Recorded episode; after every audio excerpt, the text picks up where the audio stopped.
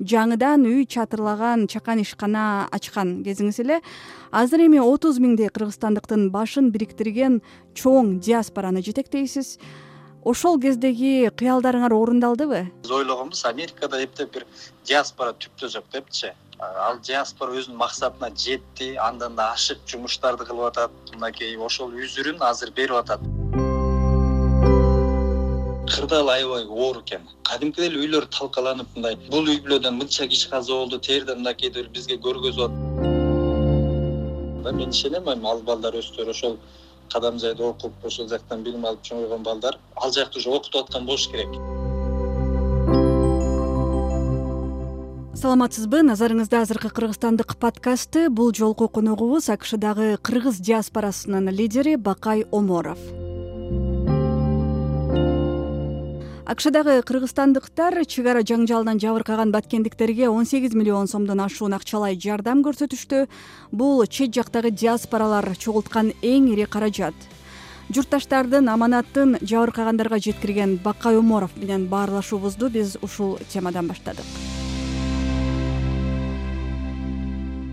Бакай мырза баткендеги жабыркагандарга диаспоранын атынан он сегиз миллион сомдой колдоо көрсөттүңөр бул акча кандай негизде бөлүштүрүлдү? Ушул тууралуу айтып бересизби? Акшдагы жалпы кыргызстандыктардын атынан чогулган каражат болду. Мисалы ар бир штаттын өкүлдөрү жарыя кылып мисалы нью йорк филадельфия питтсбург агая чикаго штаттары бүт жарыя кылышты акча чогултуу боюнча. Бул жерде каражат жалпы эле ушул төрт беш штаттык эмес жалпы америкадан десек болот да анткени баягы зеле программалары менен американын башка жеринде дагы кыргыздар чогултту бул каражатты. Буну бир эле делегация алып барган каражат болду. Мисалы биз бул жерден эки үч өкүл болуп бардык. Баткенге биз алып барган сумма ушу он сегиз миллион сомдон ашык болду. Өзүнчө дагы баткенге э, башка дагы балдар жөнөткөндөрүн билебиз. Мындай ири суммада акчаларды он беш миң доллар жыйырма миң доллардан да бөлүп бөлүп жөнөткөндөр болду да. Жалпы америкада кыргыздар ушундай чечимге келип акчалай гана таратабыз деп бир айга жакын комиссия мындай независимый комиссия иштеп чыгып мындай үч этапка бөлүп сумманы ушул жерге таратылып берди. Жана комиссия бир ай иштеп чыкты деп атпайсызбы? Ал эмне комиссия? Элим барсыңбы кайрымдуулук фонд ошо баткенде окуя башталгандан баштап эле ошол жерде жүрүшкөн да. Ошолор независимый комиссия түзүшүп мчс менен жергиликтүү өкмөт менен чогуу кыдырышып алар списокторду ошолор тактады да. Анан мисалы каза болгондорго дагы бир үйдөн жалгыз ошол үйдү багып жүргөн киши болсо ошолорго көбүрөөк бөлүндү да. Жаракат алгандарга стадиясына эки үч стадияга бөлүштү. Жаратар жеңил жаракаттарга азыраак оор жаракаттарга операция болгондорго көбүрөөк сумма кылып ошо элим барсыңбы кайрымдуулук фонддун комиссиясы ошол жерде. Биз барганча бир айдай бүт үймө үй кыдырып адресин ким каякта телефонун бүт тактап беришиптир. Биз барып ойлогонбуз оңой эле бир эки күндө бүтөбүз деп бирок андай эмес экен отуздан ашык айылды кыдырдык төрт күн жүрдүк. Ошо баткенди кыдырып тынбай төрт күндө араң үлгүрдүк. Өзүңүз барып көрүп курман болгондордун жакындары менен сүйлөшүп э, жоготууларга учурагандарды көрүп кандай экен негизи ошол жердеги кырдаал? Кырдаал аябай оор экен. Кадимкидей эле үйлөр талкаланып мындай бул үй бүлөдөн мынча киши каза болду тиерден мынакейди бизге көргөзүп атты. Ошол эле жанагы жерлерден чек аралардан да бул жерден он эки бала бир машинада жана гранатометко кабылып өлдү деп элечи ушундай эле жерлерди көргөзүп атты да бизгечи. Бирок элдер баа берсе болот элдер аябай чыдамкай экен. Өрттөнгөн үйлөрдүн жанына эле палатка тигип ошол жерлерди чыдап кетпей жашап атышат да. Алар дагы кандай жардамга муктаж экен сиз өзүңүз эмнени байкадыңыз? Эмнеге муктаж? Аларга мындай туура маалымат жетпей атат. Президент айтып атат үй салып берет документтерин тактап беришет бүт восстановление кылат деп. Жакшынакай новостьден айтып атпайбы ошол нерселер элге жетпейт экен да. Мисалы биз жергиликтүү ошо элдер менен сүйлөштүк силерге келип ошо миллион сомдон обещать эткен берилдиби десек жок. Документиңер восстановление болдубу жок. Качан үйлөр курулат десек билбейбиз дейт же строительный компания көрүнбөйт. Эчтеке көрүнбөйт ал жердечи. Как раз биз президент барган маалда эле мына кечээ жакында чогуу параллельно жүрдүк да. Биз барып акыбалды көрөбүз. Биз барып кеткенден кийин президент барат ага совсем башка адамдарды жолуктуруп атат да. Мынтипчи кыйналган адамдарды көргөзбөйт. Дагы деле туура эмес маалымат скорый помощьторду коюп пожарный машиналарды коюп илгерки эле адаттарын кайталап атышат да ал жерденчи. А биз барсак башка жерлерде алар чыныгы учетко списокко кирбей калган адамдар бар экен. Мисалы үйлөр өрттөнгөндөрдү үйүн куруп беребиз дейт а үйлөрү тонолуп кеткен жанаг мал мүлктөрү толонуп кеткен алар списокко кирбей калыптыр да. Биз эмне кылабыз деп атат да аларчы азыр палаткаларды тизип жакшынакай кылып коюптур. Ал палаткалар пластмассовый экен красный крестики. Пластмассанын ичинде күндүз ушундай ысык кирип болбойт. Мисалычы кечээ уктап болбойт дейт суук дейт да. Бакай мырза анан э, мисалы ошолорго балким чакан долбоорлорду сунуштай алдыңарбы? Бир балким андан ары э, бүлүнгөн жашоону улап ошол турмушун андан ары кайра курап кеткенгечи ошентсе болобу? Болот сөзсүз баткендин мүнөзү менен таанымал мөмө жемиштери менен да. Ошол жерге жакшынакай чакан чакан жанаг логистик центрлерди баягы иностранный инвесторлорду хотя бы тартып упаковочный компанияларды ошол жерге ачса жакшы болот экен да. Мына өйткөнү баткендин өрүгү мисалы россия эмес америкага чейин келип атат да. Бирок бул жактан ошо талаптар мындай стандартка туура келбейт да. Упаковкалары даярдагандары продукт өзү мындай жогорку деңгээлдеги упаковка болбойт. Качествосу жакшы ошол менен ошону ошо жергиликтүү элдерге мындай кичине инвестиция кылып азыр особый статус беребиз деп атат балким налогтордун бошотуп ошол жерге логистический центрлерди ачса упаковочный центрлерди ошол эле мөмө жемиштерин ошол жактан даярдап жакшынакай упаковка кылып элдерге да көбүрөөк жумуш болмок бир багыт бериш керек болуп атат да элдергечи кийинки он жыл ошол жерде элдер эмне менен алектенет депчи ошондой багыт жетишпей жатат. Негизи буга чейин баягы америкадагы айти тармагында иштеген балдар дагы ошол баткендиктердин балдарын окутабыз бекер айтиге тартабыз деген дагы сөздөр болду эле да. Ушул боюнча дагы э, мындай маалымат барбы ал боюнча менде так маалымат жок. Бирок америкада айти компаниялар азыр офистерин кыргызстанда бишкекте ачып эле иштетип атышат да. Ошолор айтып аткан уже жергиликтүү мындай регион алыскы региондогуларды онлайн окутуп атабыз депчи. Алар буга чейин эле уже окутуп баштаган алыскы региондогу балдарды именно кыргыз тилине бүт айти тармагында мурун англисче орусча болсо ошолорду алар так кыргызча которуп биздин алыскы регионунда балдарды окутуп атышкан да. Мен ишенем эми ал балдар өздөрү ошол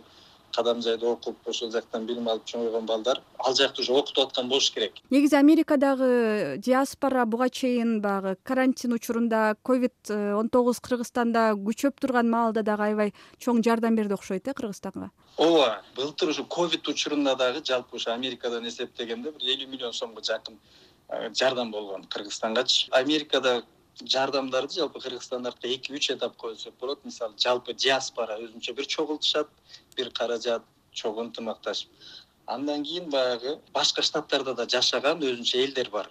Алар деле чет калышпайт өздөрүнүн чөнтөгүнөн өздөрүнүн каражаттарынан эки үч жерге бөлүп жөнөтүшөт да. Биз жалпы америка ушул учурдан пайдаланып ар бир кыргызстандыктарга ар бир кыргызстандын жаранына ушинтип жардам берип иштеп жардам берип кыргызстанга келе жаткан жарандарыбызга пайдаланып мындай чоң ыраазычылык билдирип кетмекпиз мындай диаспоранын атынанчы.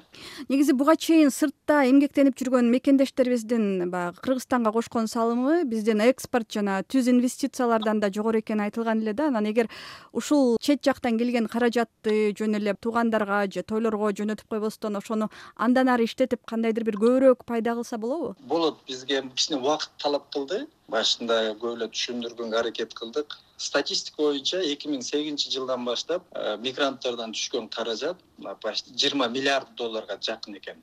Он тогуз миллиард. Мына эки миң сегизден кийинки саналган э, бюджет кыргызстанга мигранттардан түшкөн акча. Жыйырма миллиард доллардай экен. Иностранный инвесторлордон түшкөн жети жарым сегиз миллиард экен да мындай прямой инвестиция болгончу айырмасы үч эсеге почти үч эсе болуп атат чоңдугучу азыр чогулуп мисалы америкадан уже кыргызстанга билим берүү жака инвестиция кылып атышат туризмге инвестиция кылып атышат ошол эле курулушка инвестиция кылып атышат. Бирок өкмөт тараптан мындай ачык маалымат жок болуп атат да биз сураганбыз мини экономго анткени инвестиционный фондду улам эле ар жака которо беришет экен да мини экономго курат өзүнчө курат. Азыр өзүнчө министерство болду. Ошол жак менен азыр иштешип атабыз ошолордун маалыматын алып биз азыр мына быйылдан баштап меморандум түздүк. Министр менен. Америкадагы эми биз иштеп жүргөн кыргыз мына бизнесмендерге ошо маалыматты толук ачык бере алабыз да. Кыргызстандын кайсы тармагына инвестиция кылса болот экен депчи? Ошол эле туризмди сунуштап атышат тоо кендерин сунуштап атат. Мындан дээрлик он жыл мурун азаттык плюс америкага барып ал жактагы кыргыздар тууралуу алгачкы берүүсүн тартканда сиз жаңыдан үй чатырлаган чакан ишкана ачкан кезиңиз эле. Ооба агаяда эми эки топ бар. Жалаң ушундай үйлөрдүн крышасын жабышат. Азыр эми отуз миңдей кыргызстандыктын башын бириктирген чоң диаспораны жетектейсиз ошол кездеги кыялдарыңар орундалдыбы? Биз ойлогонбуз америкада эптеп бир диаспора түптө жок депчи. Ал диаспора өзүнүн максатына жетти андан да ашык жумуштарды кылып атат мынакей ошол үзүрүн азыр берип атат. Э, кыргызстанга айтылбаган жардамдар билим берүү тармагына жана башка тармактарга көп салымдар болуп атат. Э, биз ошол кыялдарга жеттик деп мен мындай так айта алам. Биз он жылдап жеткен нерселерге азыркы мына келген жаңы кыргыздар бир эки жылда эле жетип атышат. Анткени уже жол чабылган э? Ооба диаспора деген баягы көйгөйлөрдүн эле үстүндө жүрчү да жумуш таап бериш керек документ кылып бериш керек бирөөнү тосуп алыш керек же бирөөнү узатыш керек деген ушундай эле маселелер менен да. Кудайга шүгүр ошол мисалы ошол маселелердин баары чечилип калган. Ар бир штатта өзүнүн мындай консультациясы бар документтери чечиле турган жумуш ордулары даяр. Элдер уже башка этапта азыр кийинки мындай чоң чоң компанияларды ачуунун үстүндө иштешип жүрүшөт. Биринчи этаптан баягы жөнөкөй мигранттардын этабынан өтүп уже экинчи этапта иштеп атышат да. Мындан үчүнчү этап уже баягы кадимки американецтердин катарына кирип калышат кыргыздар аз убакыттын ичинде. Бакай мырза эми соңку суроом азыркы учурда сизди кыргызстанда эмне өкүндүрөт? Жана тескерисинче эмне сүйүндүрөт? Өкүндүргөн нерсе ушу кыргызстандыктар кыргызстандын ичиндеги баалуулуктарды байкабай келишет да мисалы биз барып эле кичинекей нерсеге сүйүнсөк алар ушуга да ушинтесиңерби бул жөн эле жаткан нерсе деп коюшат да. Негизи дүйнө жүзүндө кыргызстанга суктанган кызыккан өлкөлөр абдан көп. Түшүнүп башка өлкөлөрдөй болуп ар бир кыргызстандык жаран кыргызстанды сүйүп ошо жерине элине мындай жакшы мамиле кылса аярлып ошону барктап. Анткени биз өзүбүз кыргызстанды чанып башка жерден бизге бирөө мындай бөлөк кыргызстанды белек кылып койбойт экен да. Ушуну түшүндүк. Кыргызстанды өзүбүз ар бир жаран сүйүп өнүктүрүп өстүрүп өзүбүздүн салымыбызды кошкондо гана өнүгүп өсөт да кыргызстанчы а сүйүндүргөн нерсе биз эми бизге баягы алыста болгон үчүн ар бир кичинекей нерсе эле сүйүндүрө берет биздичи келечек жакшы кыргызстан дагы жаш мамлекет үмүтүбүз өтө чоң. Кыргызстанда ошо бир жакшы багыты болсо эле кыргызстан бир багытка түшсөк мындай саясий амбицияларды токтотуп баарыбыз бир багытка түшсөк кыргызстан тез эле өнүгүп кетет. Чоң рахмат бакай мырза ишиңизге ийгилик. Азыркы кыргызстандык подкастынын бүгүнкү коногу америкадагы кыргыз диаспорасынын лидери бакай оморов болду. Берүүнү мен элиза кененбаева даярдадым саламатта калыңыз